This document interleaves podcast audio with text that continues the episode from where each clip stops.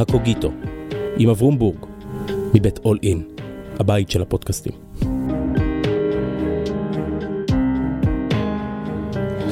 שלום, כאן אברום בורג. במשך חיי פגשתי המוני אנשים. רובם מעניינים ומרתקים בדרכם. וכשאני מחפש את המפתח על מגירות הלב של הנשים והגברים האלה, אני מוצא תמיד יסוד אחד. לכל אחד ואחת מהם יש טקסט משלהם. לכל איש ולכל אישה יש טקסט, קצר או ארוך, ספר, שיר או פתגם, טקסט אחד לפחות, עליו בנויים המון ממגדלי החיים שלהם. בפודקאסט הזה, הקוגיטו, אנחנו בונים ביחד את ספריית הטקסטים של הישראלים. יוצאים מהמילה הכתובה אל דרך ההבנה של הזולת. מנסים ביחד להבין את הישראליות. והיום עם פרופסור ניסים מזרחי. שלום ניסים. היי, היי אברום. אמרתי לך אני רוצה שתבוא, אמרת בסדר, לקח לנו זמן כי היה חופש ובייביסיטרים ודברים כאלה. נכון, אבל הנה. ובסוף שמת טקסט על השולחן, שעוד לפני שהתחלנו אני כבר, אני כבר השתניתי. מה בחרת? גילוי וכיסוי בלשון של אה, ביאליק. מה זה? זה טקסט אה, בין למעלה מ-100 שנה עכשיו, 1915. 107 שנים. כן, 107 שנים, שאני, שהוא טקסט על שפה, על, על הלשון, על השפה עצמה. אז אני נתקלתי בו בערך בכיתה י', אה, בגיל 15. הייתה ילדות קשה, אני שומע מפה. היא הייתה ילדות קשה, היא הייתה לא פשוטה, כן. במיוחד אה, קשה לאחרים שהיו צריכים לנהל אותי, אבל... אנחנו קראנו פטריקים וחסמבות, אבל מה? אני יודע, גם אני, גם אני, אבל, אבל לא רק. ובמקרה, אתה יודע, מורה מחנכת שיעור ספרות, שבדרך כלל לא, לא מי יודע מה התחברתי, הגיע הטקסט הזה. שמה אותו על השולחן, קראנו אותו בכיתה, והוא היה עוצמתי ברמה ש... שהוא באמת טלטל אותי. לפני שנשאל על מה מטלטל ילד בן 15, 16, mm-hmm. זה בטח היה טקסט לבגרות או משהו, לא? אני לא יודע, כלומר זה, זה היה לפני בגרות עוד, זה היה מין כזה, כנראה רצתה לעשות שיעור העשרה, אולי לקראת. חיבום לקראת, כן. אבל לפני שניגע באמת איך זה עושה שינוי, בוא נתחיל ממקום פשוט. ביאליק כותב את הטקסט הזה ב-1915. Mm-hmm. בוא נסתכל רגע על תמונה. Mm-hmm.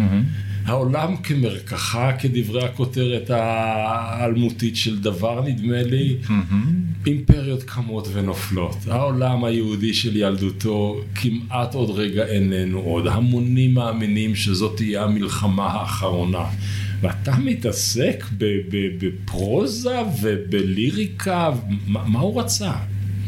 תראה, אין לי מושג מה הניע, מה הייתה כוונת המשורר, הסופר, אה, אה, זה באמת, אה, זו שאלה גדולה, היא חוץ טקסטואלית, אבל, אבל אני חושב שמה שהוא עשה בטקסט הזה, לפחות, לפחות האופן שבו הטקסט פעל עליי, זה, הוא הפך את השפה עצמה למושא התבוננות וניתוח דרך השפה עצמה.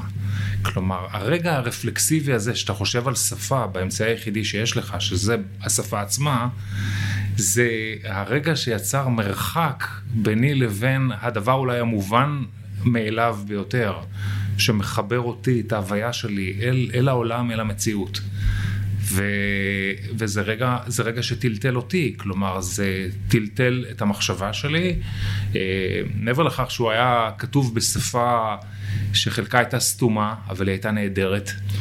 בני אדם זורים בכל יום לרוח, בכוונה ולפי תומם, מילים, חומרים חומרים, אותם ואת צירופיהם השונים, ורק מועטים מהם יודעים או מעלים על לב מה היו המילים ההן בימי גבורתן? בוא, בוא רק את זה, נכון? זה, זאת הפתיחה. נכון. אז כשהוא אומר מילים חומרים חומרים, זה מכת הצפרדעים במצרים. צפרדעים במצרים נערמו ערימות ערימות, חומרים חומרים ותבאש הארץ. והוא אומר, אתם מפטפטים כל כך הרבה בערימות של מילים, זה מסריח, זה הביאליקיות הערמומית. ואז הוא אומר משהו הוא אומר, טוב, אנשים לא מבינים מה הם אומרים בסדר. כמה פעמים אמרת לילדים שלך, אתה לא מבין, או אמרו לך בתור פרופסור, אתה לא מבין מה... זה, זה ארגומנט מצוי, אבל אז הוא אומר משהו אחר. הוא אומר, המילה, כשהיא באה לעולם, הייתה בגבורה, בעוז מסוים, ופתאום היא לא. כלומר, מרגע שהיא הפכה להיות מטבע לשון, היא איבדה את עצמה לדעת. מה הוא אומר פה בעצם? תראה, אני, אני, אני חושב שלדבר הרי אה, זה בא מהשורש אה, דבר, נכון? נכון? זה, זה דיבור, מאותו שורש, דבר. דיבור דבר. דבר. כשאנחנו מדברים אנחנו... ד' ב' ר' דבר. נכון, אז, כן. אז כשאנחנו מדברים אנחנו thinking, לא מעניין, thinking, כן, אתה thinking. חושב שזה בא, אני לא מספיק אני, אני לא יודע, אבל, אבל, זה. אבל, כש, אבל זה אסוצי, אסוציאציה, ותקנו אותי אוקיי. הפילולוגים, כלומר אתה הופך את ה... אה, אה, אתה מנכיח את הדברים בעולם, או נותן להם, או הם מקבלים את הנוכחות שלהם באמצעות המילים. כלומר, מה שיש לו מילים, הוא נוכח. אה, וברגע הראשון של ההנכחה, כלומר שהיית צריך מילה כדי, כדי למלא את אותו, אה, כדי, כדי להפוך אותה לדבר, זה, זה רגע דרמטי. כלומר, שהוא מדבר עליהם, לפעמים יכול להיות דרמטי יותר, דרמטי פחות, אבל, אה, אבל זה הרגע שבעצם אה, ניסית לתפוס משהו, כמו שהוא מתאר אחר כך בדרך, באמצעות המילה.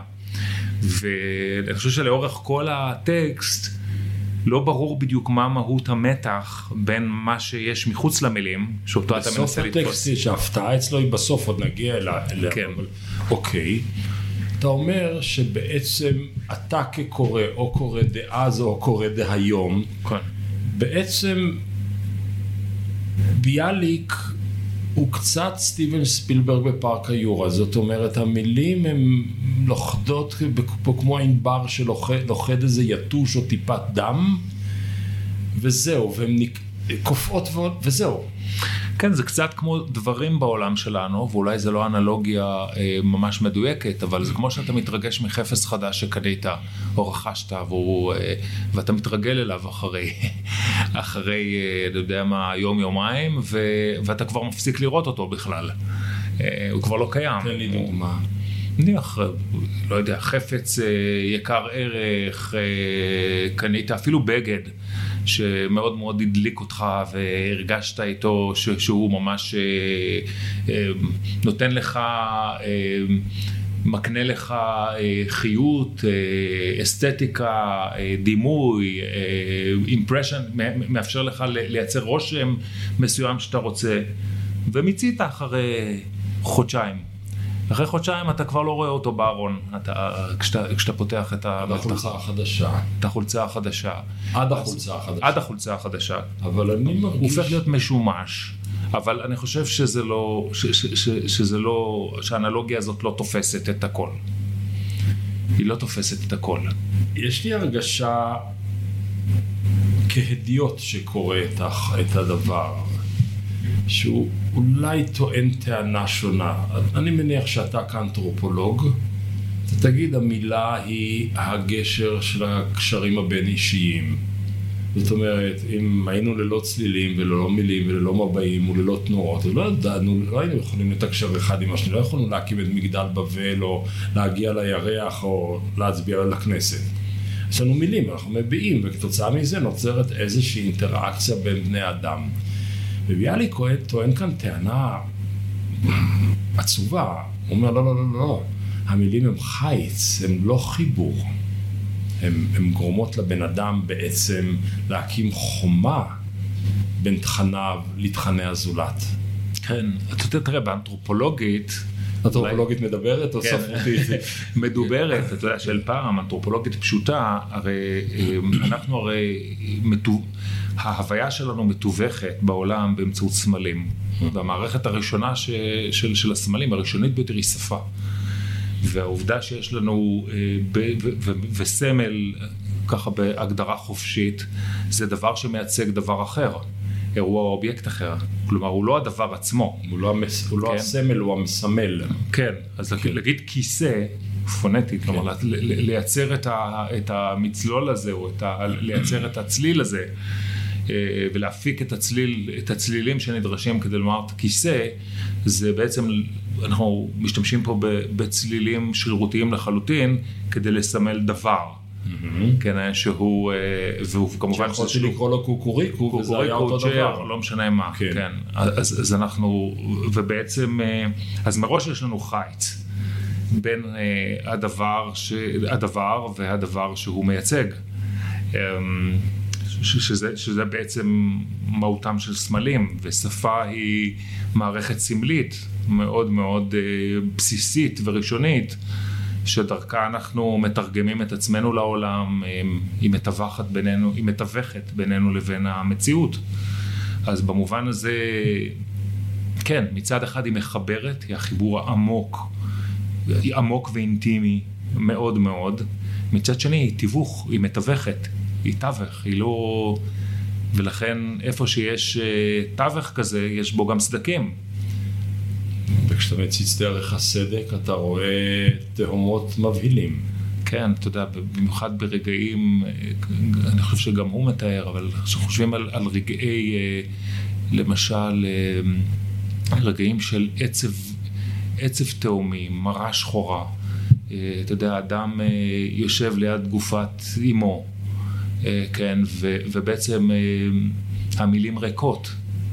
הם איבדו את כוחן, הם, הם לא, יש כאן משהו שה, שהמילים פשוט או מתגמדות או מתפוגגות אל מול איזו הוויה שהיא גדולה מהן.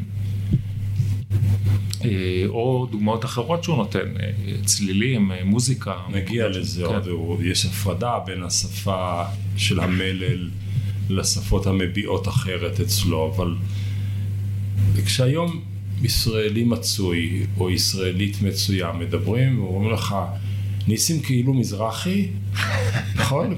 אתה לא, ניסים אתה בטוח, אבל אתה כאילו מזרחי, ובעצם אומרים לך, אני לא מתכוון למה שאני אומר. זה מאוד ביאליקי, כי, כי למעשה, אם אתה אומר על כיסא שהוא כיסא, אבל הוא יכול היה להיות כאמור קוקוריקו, אז אני אומר, אה, כאילו כיסא. Mm-hmm. בעצם השפה השטוחה והרדודה של היום היא, ה... הייתי אומר, הביטוי הכי הכי הכי מדויק של הביקורת של ביאליק על ההרדדה, הרידוד mm-hmm. של המילה שהייתה נשגבת ופתאום היא התחלנה והפכה להיות, אה, והפכה להיות לכלום. כן, נכון, אבל, אבל זה לא... זה, לא, זה לא ביקורת שטוחה במובן של דעה אה, ביקורת נורמטיבית, זה רע שזה ככה. יכולנו אחרת, יכולנו שכל, שהמילים יכלו לשמור על, על, גבורתן, על גבורתן ומשמעותם המקורית. האם לא היה אדם הראשון ברגע זה, אף הוא צייר וחוזה נשגב, בורא על פי אינטואיציה ניב שפתיים? כלומר, כן, המילים הראשונות היו... פעם ראשונה, אייכה. וואו, איזו שאלה אדירה. היום כל פסיכולוג, כל אימא מרימה את הטלפון, שואלת, איפה אתה? אוקיי, אז לך עם זה עוד קצת.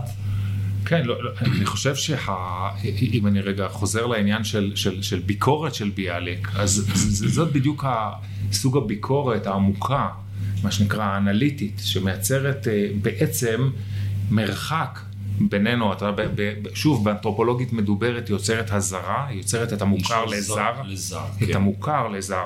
יפה.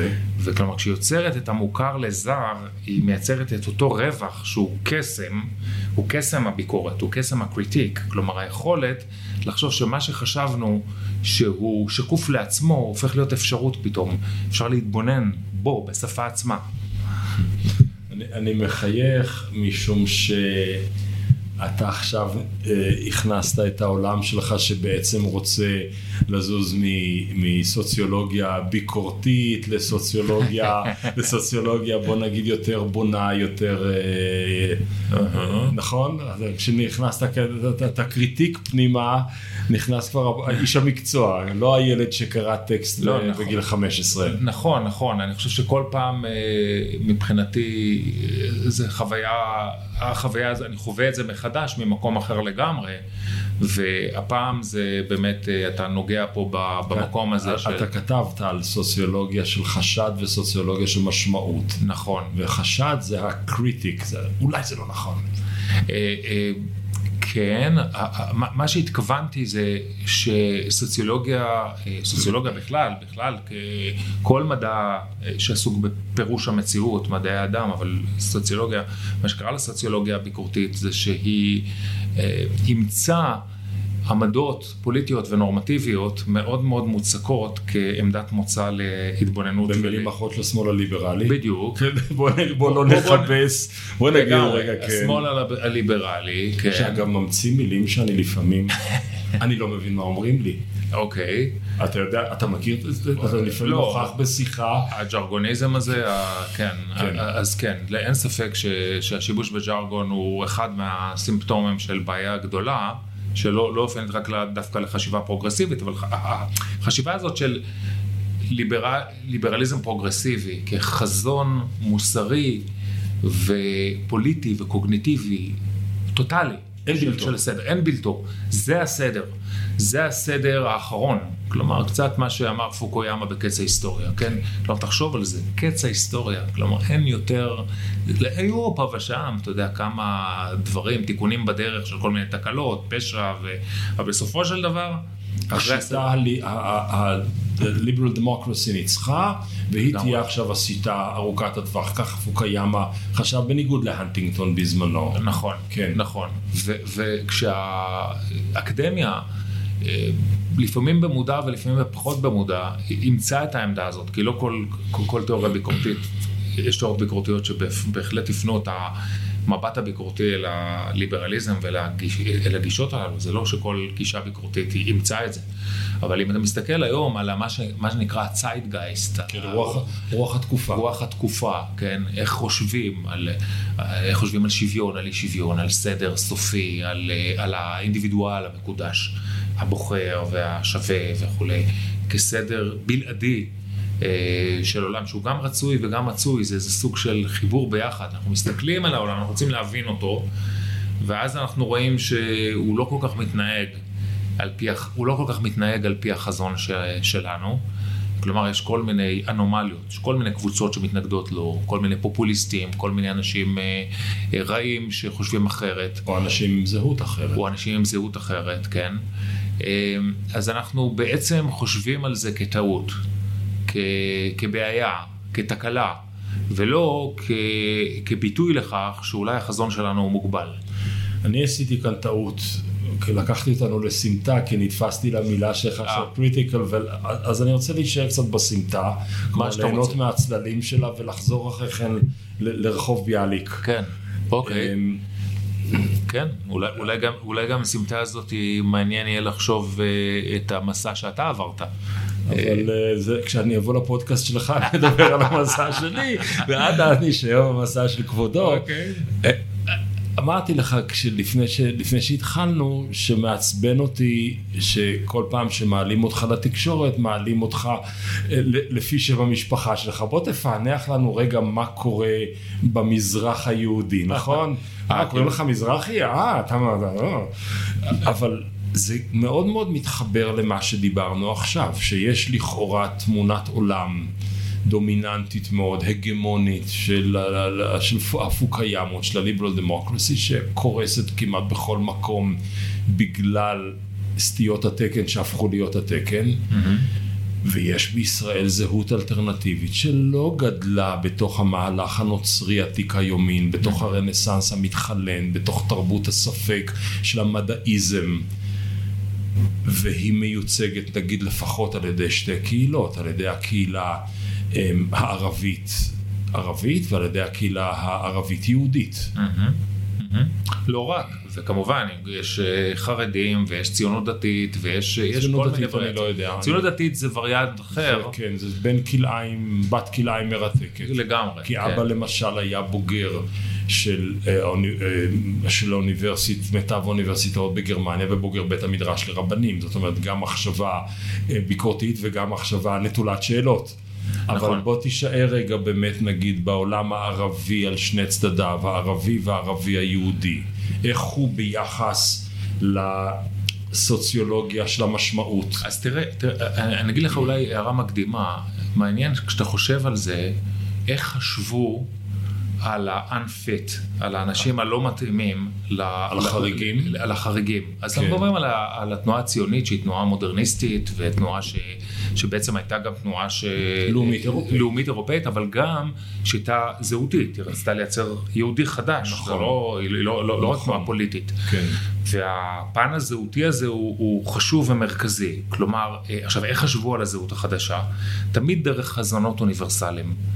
מזרחים, ערבים, מזרחים מסורתיים, כמובן יש מזרחים שהצטחנכו במערב ויש מזרחים אה, אה, מכל, בכל קצוות הקשת. אבל כשאנחנו חושבים על, על מזרחים מסורתיים, חרדים, אה, ערבים, מוסלמים אה, דתיים ואחרים, שפטו את המציאות דרך חזון, תמיד חזונות אוניברסליים. אם זה היה חזונות סוציאליסטיים, תמיד מיובאים, לא יהודיים, כלליים, זה חזון אוניברסלי לסדר, בין אם זה סדר סוציאליסטי, תיאוריות מודרניזציה, שכל העולם הולך והופך להיות מודרני ומתחלן וכולי, ואז על פי הסדר, ה... אז על פי הסדר הסוציאליסטי או המרקסיסטי, אה, אם הם לא אה, מתנהגים כמצופה להם, לא מזהים את, אה, את, את מעמדם, או את מקומם בהיסטוריה ואין להם תודעה מעמדית, אז הם באיזה false consciousness, הם, הם פועלים בניגוד, ל, בתודעה כוזבת, בניגוד ל, אה, ל- לתפיסה הנכונה, לתודעה הנכונה. או שהם, אה, שאם הם מודר... אה, לפי תיאוריות המודרניזציה, הם לא היו מודרניים מספיק. הם ואילו, פרה-מודרניים. אם אתה מדבר אותם מתוכם, רק רגע, ולפני המתוחם, באופן מעניין ופרדוקסלי, גם התיאוריות הביקורתיות שניסו אה, להגיד, אוקיי, אנחנו מתבוננים בעולם דרך, אה, אה, דרך פריזמה של יחסי כוח וכולי, אנחנו מתייחסים אליהם כקורבנות. הם victims, וגם גם אז ההתנהגות שלהם, אם הם לא מאמצים למשל תיאוריה חילונית, ביקורתית, פרוגרסיבית, שמאל חילוני וכולי, אז גם אז הם בעצם, זה סימפטום לבעיה. זה התנהגות שהיא תגובתית, היא לא מקור. היא לא מקור, אנחנו לא יכולים להתייחס להתנהגות הזאת כמקור. המזרחי איננו אותנטי. כן. יגיד המערבי הכללי. כן, כן, וזה כולל המערבי המזרחי, שיסתכל על אחיו ויגיד, כאילו, למה אתם לא מגיעים אלינו לשמאל? איך זה יכול להיות שאתם לא מזהים כאן את, ה- את, את האינטרסים שלכם? סליחה על הז'רגוניזם בהקשר הזה, אבל זה קולוניאליזם רוחני, ויש כאן את המסעוי, ש- את הנטל של האדם הלבן, the burden of the white man, ועכשיו תזוז רגע לתוך תוכו של המזרחי, או של הערבי, או של החריג שהוא במספרים הרבה יותר גדול מאשר קוב- מסמל הנורמה. מה הוא חושב? כן, אז, אז מה שהוא חושב, אם, אם הוא חושב, אתה יודע, אתה יודע, אני קראתי לזה, ויכול להיות שזה תיאורטי מדי, אה, לק, לקהל המאזינים הרחב שלך. אבל- ואו לא, לבן, לבן זוגך לשיחה הזו. לא, אבל, כן. לא, לא, אבל אני לא חושב שלבן- ש, שתהיה לך בעיה עם זה. כי, כאילו לאנשים האלה זה סובייקט שאנחנו מתבוננים עליו, מרוקן מהסובייקטיביות שלו. הסובייקטיביות שלו, ההוויה המלאה של חייו, מה שהוא אומר לך, אני עכשיו מתפלל, מנשק מזוזה, אה, מחובר לעם ישראל, דואג לזהותה של המדינה וכולי וכולי, כל הדבר הזה רעש. אה, כן, כי אתה מצפה שהוא ימלא את תפקידו בתסריט שלך, הביקורתי שלך. כלומר, זה סוג של חשד יתר שעליו אני מדבר. כלומר, אתה חושד במציאות שתמיד יש אמת מתחת לפני השטח, שאתה יודע אותה והוא לא יודע אותה, של מבנה... אבל המ- עכשיו אני שוב, פעם שלישית, מבקש ממך. כן. תזוז עכשיו ליהודי שבין מנחה למעריב, אה, הולך לבית הכנסת ומתפלל כן. ב- ב- בסגנון עולי עיראק, או כן. ב- ב- בפיוט אה, בפיוט צפון אפריקאי, או לערבי שמתנשאים אליו אגב באותה צורה. זאת אומרת, הם שניהם... אה, סובייקטים של, אה, אובייקטים של התנשאות. איך הם רואים את העולם? אוקיי. אם הם הפנימו את הביקורת, או שהם פשוט אומרים השיטה שלנו היא אלטרנטיבה ואתם הטועים? כן, אני, אני חושב שמרביתם מנסים להגיד את זה, הם לא תמיד יודעים אה, לנסח את זה באופן תיאורטי, אבל אני חושב שההוויה שלהם בספר שעכשיו סיימתי לכתוב, אני קורא, ש- שאולי כותרת אחת שלו תהיה rooted in a greater whole, אה, מושרשים בשלם גדול יותר. אה, אני חושב שהכותרת הזאת מנסה לתפוס את העמדה הזאת. העמדה הזאת אומרת, יש, יש אנשים שחווים את חייהם כ, כמי שנטועים בשלם גדול מהם, שמתחיל בעבר והוא, והם חוליה, ו, ו, ונמשך בהווה, וחשוב מאוד לשמור עליו שהוא ימשיך בעתיד, ויימשך בעתיד. הם לא רואים את עצמם, והם רואים את עצמם חלק, מחלק מסיפור מאוד גדול, שהוא גדול מהם, שהוא הסיפור של, של אותו שלם של, שבתוכו הם נטועים. כלומר, ו... בוא ניתן רגע, ל, ל, ל, ינקו את זה בעריכה, לתת למסוק לעבור. המשכנו. אוקיי. זאת אומרת ולכ... שהם קודם כל חלק מקולקטיב לפני שהם אה, בראשית ברא אלוהים את היחיד. כן. כלומר, כן. קודם אנשי הקולקטיב, ובניגוד נגיד לתפיסה שדיברנו עליה קודם החשדנית, אני קודם כל יחיד. כן, ו... ו, ו כן? זה, זה יהיה ההבדל? כן, כן. למשל, לדוגמה, במחקר, מחק, במחקרים שערכתי ביחד עם אה, אריקה וייס, דוקטור אריקה וייס, אנתרופולוגית, על מפגשים בין קבוצות דתיות משני הצדדים, פל, mm. פלסטינים ו, ויהודים, כן? אה, מוסלמים וש"סניקים. שנפגשים ביחד ומדמיינים שלום וחיים משותפים. מנסור עבאס וגפני. כן. זה, זה אותו דבר. אחד הדברים, אחד העקרונות המעניינים ש, שעולים שם, אה, ויש שם איזה קטע, ממש קטע אתנוגרפי, שהגעתי למפגש כזה באלעד, ומגיע אריה דרעי. אוקיי. Okay. אוקיי, okay, אריה דרעי מגיע לנאום בפני אה, אימאמים, אנשי דת אה, מוסלמים ורבנים מש"ס. והוא אומר, הוא פותח עם, עם השפיל הידוע שלו, אנחנו דומים, אנחנו מסורתיים, יש לנו אלוהים, אנחנו מכבדים את, את ההורים, אנחנו מסורתיים, עוד ועוד ועוד. מחיאות כפיים סוערות, ואז הוא אומר משפט נוסף. ואנחנו לא רוצים להתבולל. ושני הצדדים קמים ומוחאים כפיים. כלומר, ברגע השיא של הקרבה, הם חוגגים את ההפרדה. את המחיצה. המחיצה, אפרופו. והמחיצה, המחיצה שנתפסת בדמיון הפרוגרסיבי כמכשול בפני גילוי האנושיות המשותפת. כלומר, רק כשאנחנו נהיה אינדיבידואלים, אוטונומיים, חופשיים, ש, ו, כן, ו, ובאמת, אה, וכל הגבולות הקולקטיביים, כל סוג של גבול קולקטיבי, דתי, לאומי וכולי, הופך להיות מיותר, רק אז אנחנו נגשים את האנושיות המשותפת, שם זה בדיוק הפוך.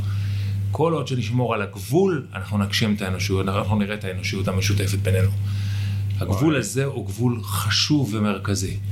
אתה יודע, בוא נחזור, בוא נחזור רגע, ל, לא לרגע, להרבה זמן, נחזור לביאליק. ביאליק עוסק, אתה התעסקת בעוד טקסטים שלו? נראה לי כל היום יש לו אה, פלירט עם הדואליות. למה, לאיזה טקסט אתה מתכוון? כל מיני טקסטים, אפילו אגדה, אה, על האגדה וההלכה. אה, כאן גילוי וכיסוי, תכף נגיע מה מתגלה ומה, עוד לא, לא גמרנו לגלות את הטקסט. הקטע של הדואליות של להיות עם חופשי ועצמאי לבין להיות מפוזר בין העמים ולהפנים מהם דברים ולהטמיע בהם דברים. כל הזמן הזמן יש לו עניינים עם הכפילות הזה, כפילות הזהות הזו, mm-hmm. וזה מאוד מאוד מתכתב עם מה שאתה אומר, זאת אומרת, יש כאן ממש, אם אני אשתמש בלשונם, בלשון חסידית, יש כאן אחדות של ניגודים. Mm-hmm. זאת אומרת, אנחנו יכולים להיות אחודים רק כאשר הניגוד בינינו ברור, ואם חלילה יטשטש לשנייה הניגוד, תהיה כאן מלחמה איומה כדי לשמור על הבדלנות. נכון, וזה, וזה עמוק מאוד, כי, כי כשאתה חושב על זה, בהרבה מאוד ספרות חיים שלנו, יש לנו גבולות מאוד ברורים מאליהם, סמליים, שוב, גבול בין גברים, מבוגרים לילדים, למשל, נכון? מה מאפשר לנו נוחיות, את הנוחות הזאת? שאנחנו יודעים שיש גבול. שהוא לא, לא נהפוך אותו, רובנו, ל, ל, ההתנהגות המינית שלנו, יש לה גבול. ההתנהגות, נכון. הגבולות הם... והתחושה הזאת ש, שהגבול הזה, הוא מאפשר לנו את, את, את, את, את, את הגילוי. א', את הנינוחות, הוא מרגיע אותנו, הוא מאפשר לנו אה, לגלות את האדם ש, ש, ש, שלמולו אנחנו יושבים, את, את האנושיות שלו, כלומר לפחות כפי שזה נראה מנקודת מבטם, הדבר הזה מאוד מאוד חשוב, ואני חושב שמחיאות הכפיים הן משקפות איזו תחושה של רגיעה וביטחון שיש לאנשים האלה, שאנחנו לא מערבבים ספרות חיים. יש ספרות חיים שבהם האנושיות שלנו מתגלה, אתה יודע, אנחנו עסקנו בין השאר במאמר שכתבתי לפני למעלה מעשר שנים, מעבר לגן ולג'ונגל, יש שם אה, תופעה שנתפסת בעיני פעילי זכויות אדם כחידה. והם שואלים את השאלה הבאה, הם אומרים, איך זה יכול להיות, אנחנו מסתכלים על אה, מזרחים וערבים במקומות עבודה. אה, כמו קבלן שיש לו פועלים, אנשים שעובדים יחד בבתי חולים וכולי, אבל הדוגמה שם זה היה לדעתי קבלן עם פועלים. והפעילה מספרת, היא אומרת, הקבלן הזה, אני, אני, אני שומעת אותו במעלית, הוא אומר כמה הוא דואג להם, וכמה זה נורא ש, שעוצרים אותם בגבולות, ו, וכמה הוא דואג ל, ל, לאותו עובד שלו שדואג לילדים שלו וכולי וכולי, לגמרי אנושי ולגמרי אה, ממש אמפתי בצורה מלאה ועמוקה. ואני יודעת שזה לא משנה כהוא זה את עמדתו הפוליטית. ב, ב, איך זה יכול להיות? לאמור הרבה יותר שמרנית ויותר... כלומר הוא ימני בטח, הוא כן. בוחר ליכוד וימינה הוא בתוך. הסטריאוטיפ השמרני, לגמרי. הזהותי. ועכשיו אנחנו רואים את זה באופן עקבי, ויש לי, סטו- יש לי תלמידה שעשתה עבודה על, על ערבים ויהודים במוסקים, במרכז ירושלים, מצוין, את מראיינת אותם, הם חברים, הם ענייניים לגמרי, הם מכבדים אחד את השני וכולי, אין לזה שום קשר לעמדות, כלומר בניג- בניגוד לפנטזיה, רק יכירו, ואז הם רק יכירו והם יגלו את האנושיות המשותפת, ייפרצו כל הגבולות. תשמע, לפני הרבה שנים היה, היה מוסך בירושלים של יהוד, שותפים של ערבים מבית צפאפא ויהודי, ושם טיפלתי במכונית, ולימים פואד מבית צפאפא חלה, והיה צריך תרומת דם ותרומת פלזמה, ותרמתי. אוקיי. הוא החלים. עשו מסיבת הודיה, הגיע הצמחוני, שחטו כבש, הכל טוב, אני הצמחוני מגיע, שחטו כבש, ואז פואד קם ומברך את כולם ואומר, נשארתי מכל הדבר הזה עם דילמה אחת. אם אני היום מתגייר, אז אני נהיה ספרדי כי אני ערבי, או אני נהיה אשכנזי כי יש לי את הדם של אברום, שזה זה באזור החיוג הזה. בוא, נ- בוא, נלך, בוא נלך עוד קצת. כן. מילים, ב...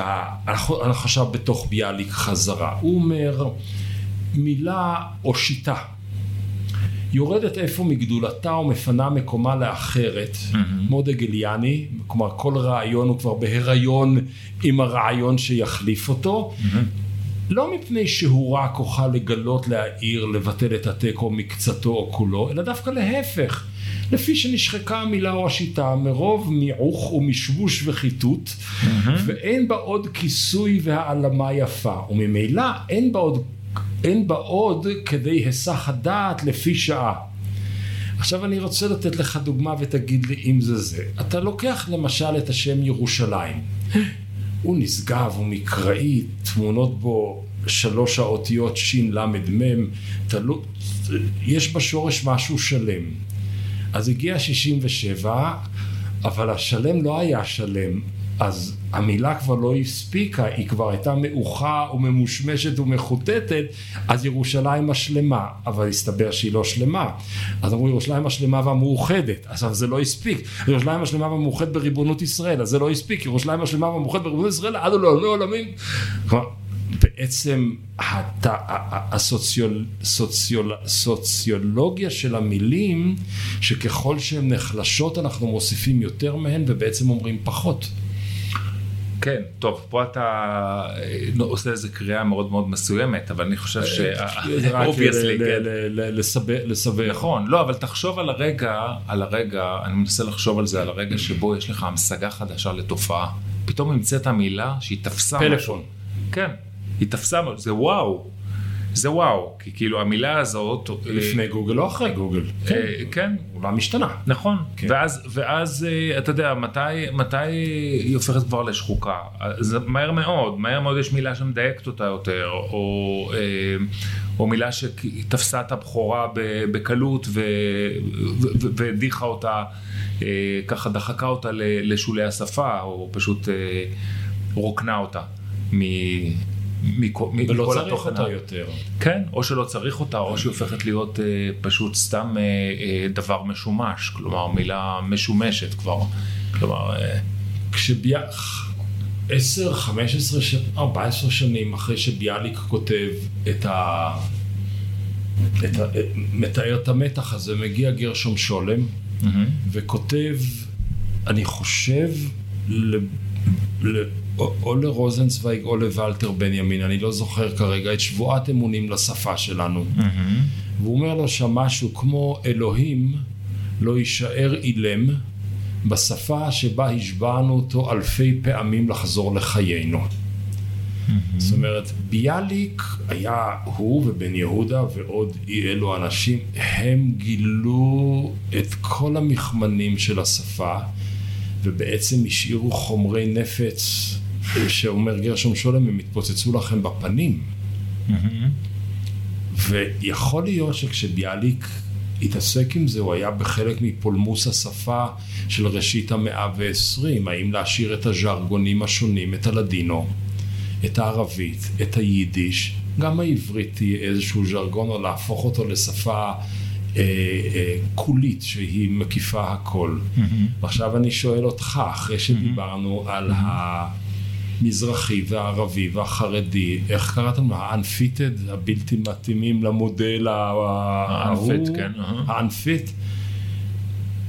אולי זה שוויתרנו על הז'רגונים, ויתרנו בעצם על היכולת לשוחח עם הלא מתאים? תראה, מה זה ויתרנו? אתה, אתה יודע, שפה. שפה היא חיה, נכון? זה בדיוק העניין. אתה יודע, יש, אה, לא יודע, יש אבשלום, קור, אבשלום קורים ש, שהם דואגים, כן. לשעמם אותנו חמש דקות ביום, כן. כן, אבל הם גם מאוד דואגים לתקן את מה, ש, מה שלכאורה מקלקלים. ו, אבל מה, מה זה מקלקלים? השפה הרי חיה. ואנחנו מדברים מזרחית. כולנו, במובן, אני שומע היום את כולם אומרים אחי וכולם אומרים אה, המון דברים, אה, כן. המון מילים חלחלו בלי שום בעיה, אפילו כפרה. אנשים אומרים, אח שלי, אח שלי, כן. כן. כלומר, אה, בסופו של דבר, הכוחות האלה, שלא לדבר על הערבית, שפרצה לתוך העברית ונכנסה, כלומר, לא, כמובן... הטוב שבביטויים הוא יאללה ביי. זאת כן. אומרת, ערבית אמריקאית ויאללה ביי. לגמרי. כן. ואני חושב ש... אז, אז בסופו של דבר, החי... השפה החיה, כלומר, ואני לא... אה, כלומר, זה לא, זה, אין פה שום דבר מקורי, זה כולנו, כולנו מבינים את זה. השפה הלא, זאתי שלא, השפה הלא ממושמעת.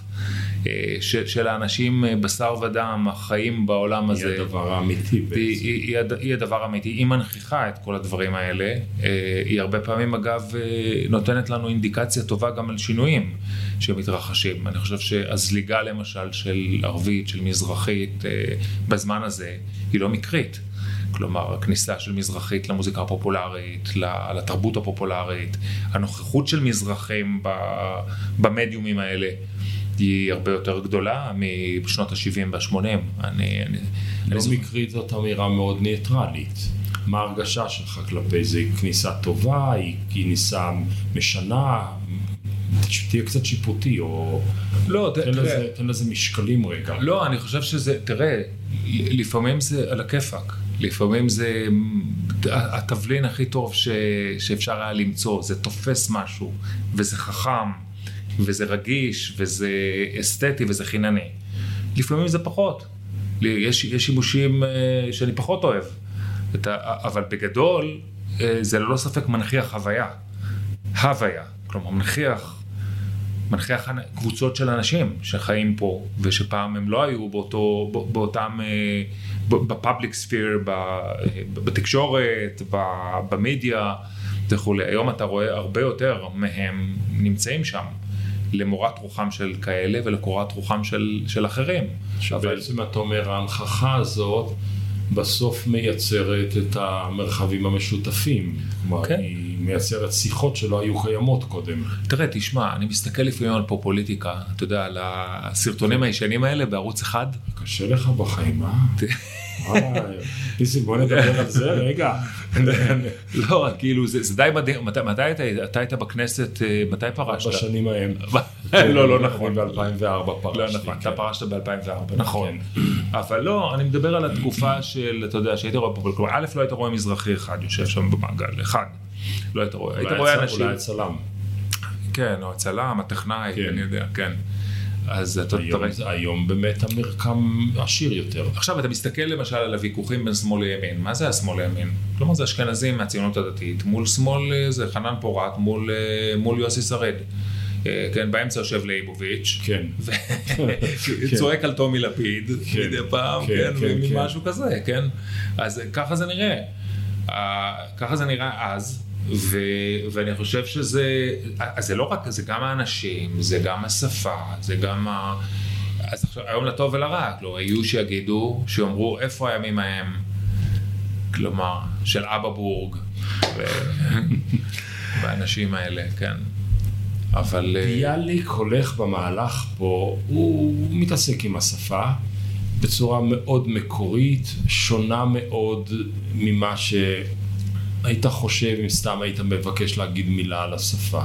הוא מדבר, הוא מנתח את המילים, הוא מנתח את הסוציולוגיה של בני אדם שמשתמשים בשפה, ודיברנו על המון המון מהדברים האלה. ואז בסוף הוא עושה, הוא כמעט, הוא כמעט מפתיע, אולי, אני לא יודע מה, אולי הוא, הוא, הוא, הוא עושה, הוא, הוא עושה צוקה הארי, וגלגול לאחור, והוא בעצם אומר, תקשיב, וכאן הוא, זה מאוד מתחבר למה שאתה תיארת במפגש הבין דתי באלעד. Mm-hmm. באים אנשים שצריכים את הממסד ואת המוסדות ואת הכללים. ואת ההפרדות ואת המחיצות כדי להתקיים. Uh-huh. ואז הוא אומר, הפואטיקנים הם דומים למי שהולכים על נהר קפוא. Mm-hmm. כן, אני זוכר את זה טוב. כן, אני הולך על הנהר, אני בטוח זאת רצפה אמיתית. אני לא יודע שמלמטה יש שערות איומות, והתהום שמה רועשת ורוחשת וגועשת. ואז הוא אומר, אתם חושבים שאתם יציבים, אבל יש עוד שפה. והעוד שפה היא, וזה סוד השפעתה הגדולה של לשון השירה. יש בה מגריית היצר של האחריות, מן האימה המתוקה של העמידה בניסיון. ולמה הללו דומים? למי שעובר את הנהר בשעת הפשרה על פני גלידים מתנדנדים וצפים. וואו, כבר כן. הקרחון לא יציב. חלילה לא להשעות את הרגל על גבי גליד אחד יותר מהרף עין, יותר מקפיצ... מכדי קפיצת הרגל, מגליד לחברו הסמוך ומחברו לחברו. ובין הפרצים מהבהבת התהום, הרגל מתמוטטת, הסכנה קרובה. איזה יופי. מה הוא אומר? אני, אני חושב שאני בקריאה ראשונה, ראשונה שלי, כלומר תגובה ראשונה שלי לשורות האלה, הוא, הוא מדבר על הפואטיקה או על המשורר, על פה, כן. כן, כמי שמלהטט במילים, כלומר עבור, עבור המשורר המילים, הוא כבר במרחק מהמילים, הם לא, הם לא, הם לא המובן מאליו. הם לא הכיסא שדיברנו עליו בדיוק. הוא כבר לא הולך על איזה משטח יציב וישר, והוא חושב שזה יציב וישר ושאין שום דבר, אין תהום. הוא יודע שיש תהום. והמתח הזה בין התהום לגלידים האלה, זה מה שמייצר את העוצמה של השירה, שהיא נעה ביניהם. כלומר, אם, אם הוא היה מדבר דיבור רגיל, כן, דיבור של, של אדם שהולך, שמתייחס אל השפה כאל, כאל מחיצה מוצקה ויציבה. עמוס עוז. שכותב שהשפה הזו של המילים הפורמליסטיות היא המכנה המשותף הרחב ביותר. וביאליק של השירה אומר דברים אחרים. כן, אבל אני חושב שבכלל המשורר, הרי המשורר, היכולת הזאת ב- לתמצת, אולי דרך אחת לקרוא את מה שהוא אומר עכשיו, את השורות שקראת, שהקראת עכשיו, זה שדרך אחת להסתכל על, ה, על המשורר זה בדיוק על, על מי שבעצם קודם כל שהמילים אינן מובנות מאליהן עבורו. כלומר, שירה היא הזרה. שירה היא הזרה, היא, היא הפיכת המוכר לזר דרך המילים. כלומר, המילים הן המוכרות הופכות לזרות, זה מה שמפעים אותנו, וזה מה שמדהים אותנו. כשפתאום מילה שהשתמשנו בה כל כך הרבה, פתאום התגלה כ... כאותו גליד, כאותו... שים לב, תיזהר, אתה הולך ליפול. כן, אתה הולך ליפול, זה לא מה שחשבת, זה פתאום נראה משהו אחר, או שזה פתאום מקבל צבע אחר, אה, שאתה לא ראית אותו, הוא עוצמה, הוא מהדהד אצלך אחרת לגמרי. כלומר, אה, שגם זה אגב מאוד מאוד מעניין, כי הרי אתה יכול להגיד את אותה מילה בעוצמות שונות, בהקשרים שונים, ויהיה לה משמעות אחרת. וחלק ממה, מהליאטות הזה, זה חלק מיצירת החוסר יציבות הזאת, התנועה הזאת ששירה עושה בעיניי, ואני לא מומחה לשירה בכלל, זה רק הקריאה שלי לגמרי כהדיוט, זה שהיא מצליחה אה, אה, בעצם להפתיע אותנו, לצקת איזה סוג של משמעות, לפעמים להחיות מילים שלא לא נראו קודם, אבל ההליכה הזאת שאתה מתאר, זה הליכה ש, שמשורר בעיניי מטאפורית רואה אותה.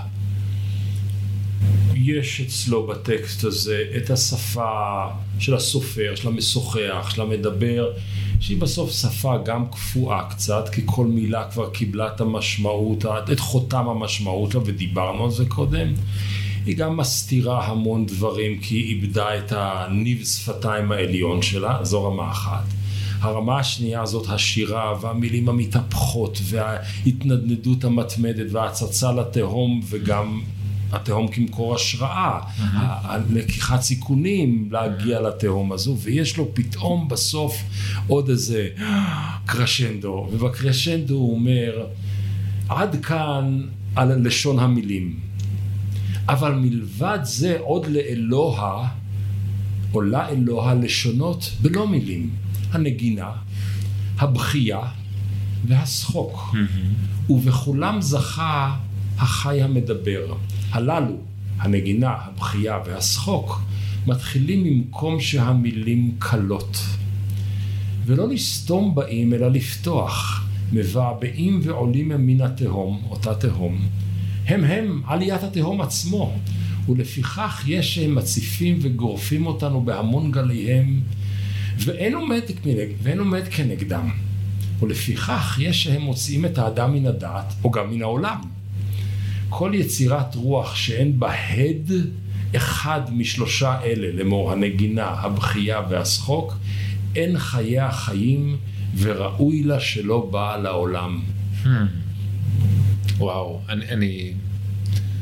טוב, אנחנו לא דיברנו על כמה מוזיקה קרובה לליבי, אבל היא... שזה, היא, שמנו את זה על השולחן, שזה באנו.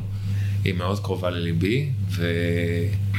אני לא יודע אם, אה, סיפרתי את זה במקום אחר, על, על אבא שלי, שהוריי היו שניהם עיוורים, ואבי גדל ב... עיוורים עם ו', כלומר, כן, כן, לא, כן, כן, כי עברית וביאליק, שלא יהיה עיוורים כן. מלשון השפה העברית, כן, כן. ואבא היה יליד הארץ, ואימא, והתעוור בגיל שנתיים, שנתיים, שלוש. אני יכול לחייך? מה? ואשתך רופאת עיניים? כן, אוקיי. אברום, וואו, איזה תחקיר מטורף עשית. שלום לך ניסים, כן. אתה מבין שחייכתי כשהגעתי לפרק הזה. כן, כן. כן. ואימא שלי, אה, לאימא שלי זה קרה בעיראק בערך באותם שנים, והיא עלתה בגיל 19 בעלייה של 51. כבר עיוורת? כן. אבל אבא למד בבית חינוך עיוורים. בכניסה ו... לעיר. בכניסה כן. לעיר. עכשיו, הוא היה ילד קטן בן שלוש, לקחו אותו מתל אביב ושמו אותו, שתלו אותו בבית חינוך עיוורים. זה המוסד יקה. נכון. והוא גדל יקה, אבא שלי היה יקה. אוקיי. הוא לימד מוזיקה, למד מוזיקה קלאסית מגיל ארבע וניגן. וואו, אוקיי. והוא היה מדהים, הוא היה... הייתה לו גם שמיעה מדהימה, כן, למדתי קצת מוזיקולוגיה אחר כך, ו- וזה עם השנים, ו- וגם, אה, והוא גם ניגן בצורה... מה הם עשו בחייהם ההורים? אה, אמא הייתה עקרת בית, גידלה אותנו, זה היה מספיק, אתה יודע, שני אנשים עם מגבלה כזאת ועוד היא עולה חדשה והם לבד בעולם, אז אה, כן. הוא עבד באיזה מפעל, אז עיוורים לא יצאו ללימודים, אז הוא לא, עבד באיזה מפעל. היו או מרכזנים או באיזה... בדיוק, כן. אז בחלק הראשון שלו, בחלק הראשון של הקריירה הוא היה עבד במפעל חסות, מפעל קש כזה, כן, עשה מחצלות, כן. ובחלק השני הוא היה מרכזן בבנק ישראל. בבקשה. כן, כן. בדיוק. אבל הוא ניגן. הוא ניגן מנדולינה וניגן אה, כלי מיתר וכמעט כל מוזיקה בבית. הייתה מוזיקה וגם מוזיקה קלאסית. לא... ולכן אה, היה ברור לחלק מחברי הילדות שלי, כולם חשבו שזה מה שאני אהיה. כלומר, שאני אלמד. אני כמעט, הייתי, הייתי בהתלבטות בתקופה מסוימת אם להפוך את זה לממש ללמוד קומפוזיציה וניצוח או לא. אגב, לפני שנתיים למדתי באוניברסיטה, אה, בבית ספר למוזיקה באוניברסיטת תל אביב, קורס, ב, ב, זה נקרא צורה ומרקם, שקשור להרמוניה, וזה עם תלמידים, תלמידי מוזיקה. Hmm. זה כן, אז זה מאוד מאוד קרוב לליבי, ו, ו, וכאילו כשאני קורא את מה שביאליק כותב, אז זה לוחת בצורה כל כך חזקה את החוויה שלי, שמה צירוף של, מה מצלול, מה צליל ומה מהלך הרמוני או מלודי יכול לעשות לי בדיוק כשנגמרים המילים, ואין, אין, קשה מאוד קשה מאוד לשחזר חוויה כזאת שלא בתוך, שלא מתוך שפת הצלילים, כלומר זה לא... ואתה אומר כאן משהו נוסף, אתה אומר, יש ביאליק, נגמרו המילים, התחילו הנגינה והבכי והשחוק, ה... אה, וה... או איך שלא מביאים את זה. אני מאוד אוהב אגב את יהודה עמיחי, שלושה בנים היו לאברהם, יצחק וישמעאל ויבכה. שזה... אבל אתה אומר שאצל אבא ואימא, הללו מתחילים ממקום שהמראות נגמרים. זאת אומרת, לא רק שהמילים נגמרו, מכיוון שהוא לא ראה, אז הארטיקולציה הייתה בעצם באמצעות uh, המלודיה. לא, זה, זה עוד מימד של, ה, של הקומוניקציה. וגם הקול, הקול מאוד חשוב, קול זה לא מילים. כשאני שומע אותך, כאילו, תחשוב שהיה לך קול, אה, הייתי מעלה אותך אוקטבה. היה לך קול סופרנו, כאילו היית מדבר, היית אברום. אז על מה היינו מדברים עכשיו? בדיוק. אוקיי. עכשיו תחשוב על המשמעות של זה. כן. על המשמעות ש, של, של הסאונד, לא של המילה. כלומר, לא, לא, לא כן? אה, והמשמעות של סאונד היא, היא גם משמעות. הקול הוא לא המילים, הוא בין המילים למוזיקה. הקול. כן. הוא לא רק מילים. פלטפורמה הוא פלטפורמה שבעצם נושאת את התכנים. נכון. ו- אז זה מאוד מעניין, כשאתה חושב על אנשים שהם לא רואים, אז, אז, אז uh, הדבר הזה פשוט עובר אמפליפיקציה, מתעצם. כלומר, המשמעות של קול, כמה הקול הוא נעים, כמה... או לא. זו שיחה שנגמרת בשלוש נקודות, כי אני לפחות יכול להמשיך אותה לעוד הרבה מאוד מקומות, וכתבתי לי שלושה סיומים שונים, ובסוף אני מבקש לסיים עם הרביעי.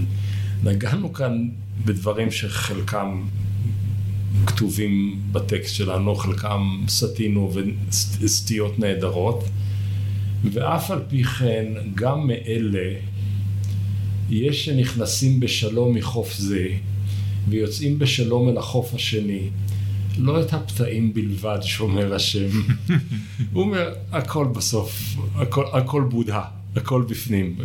אני רוצה להקשיב לכל אומר ביאליק, והשיחה, לא רק שנעמה לי השיחה איתך, ולא רק שהרחיב לי מאוד את האופקים, אני אסיר תודה שבחרת בטקסט הזה ולא, ולא במשהו אחר, כי זה באמת אפשר לנו להגיע ליסודות הראשון, הראשוניים של העבריות היהודית ולהגיע מהם אל הישראליות הלא כל כך יהודית של ימינו. כן, צריך... uh... אתה יודע, להחזיר, היה לנו היום דיון בוונליר על, על, על מעמדם של מדעי הרוח. אני אומר, צריך להחזיר... על חוסר מעמדם? על חוסר מעמדם, בדיוק. כן. על, כן, על חוסר מעמדם של מדעי הרוח, ומה יהיה, איך אפשר ל, להחזיר את מעמדם אם היה אי פעם גבוה. אבל אני חושב שהאוצרות האלה, אה, אלה נכסי צאן ברזל שצריך, ש... ש, שזה די מדהים אותי שהם אה, לגמרי, אה, אתה יודע, אני עשיתי סקר קטן לפני המפגש אה, בין כל מיני חבר'ה צעירים שמסביבנו כאן, תלמידים וכולי, אף אחד לא מכיר את הטקסט. אז כן, אז... ואיזה הנה. טקסטים הם כן מכירים? מה ביניהם זה נצח, דברים שהם באמת נצבע, נצבע של אגד זה נכסי צאן ברזל אגד. Mm-hmm. אוקיי, מה הם נכסי צאן ברזל? תראה, אני, אני לא יכול לעשות הכללה לגבי כולם, לא, לא, וגם שוב, הם לא מקשה אחת, אבל אני דווקא חושב על, ה, על החבר'ה שכן סקרנים וכן רוצים, אז, אז, אז הרבה פעמים אה, אני חושב שגם באקדמיה אנחנו קצת שוכחים את הנכסים שיש לנו. והולכים לראות בשדות זרים, אה, אתה יודע, קופצים על כל טקסט שהוא אחר וזורקים שמות של אה, כל מיני מאורות מאורות אה, בקרב הגויים. ו... למה? ג'ולית באטלר היא שלנו. כן, שלך, כן. כן, שלהם. אוקיי. אז אני אומר, כאילו, החזרה לביאליק היא גם מרעננת, היא גם מחברת בעיניי. אני רואה את הבעיה בחזרה, אנחנו כבר עכשיו בהדרן, אבל כן. בכל זאת, אני רואה את הבעיה בחזרה לטקסטים. במקום אחר לגמרי. אני כותב ספרים, אתה כותב ספרים, זאת אומרת, הספרים שלי נקראים פחות משלך, ושלך נקראים על ידי קהל מצומצם, ואתה אומר לעצמך, יש ספלר שאתה כבר לא צריך להשלים את המילה, כי הוא משלים את המילה לבד.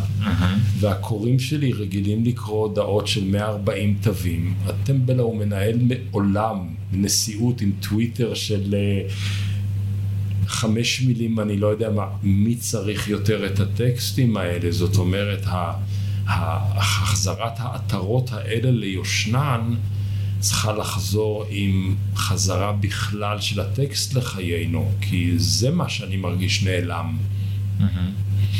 כן, אבל אני חושב שבאמת אה, טקסט בעל ערך אה, כזה, כללי, ואני חושב שהוא תמיד, כלומר, הטקסט הוא טקסט, אבל הוא, נוגע ב, ב, ב, הוא נוגע במצב הקיומי, במצב האנושי, ואני חושב שכל כל מי שחוזר, כל, מי שהטקסט הזה אה, אה, גורם לו לעשות רפלקסיה על מצבו בעולם, כל מי שאני חושב ש... שהוא יכול להיות מושפע מה, מהטקסט הזה, אז זה נכון, כמו שאתה מתאר, מה שאתה מתאר זה בהחלט נכון, רובם חושבים שהם הולכים על קרקע יציבה, בטוחה, אה, אין שם גלידים, כלומר הכל, הכל ברור, נהיר, והם עוברים מקצה אחד לקצה השני בלי שהם אי פעם הציצו בתהום. זה נכון. תבורך התהום, תודה רבה ניסים. תודה לך.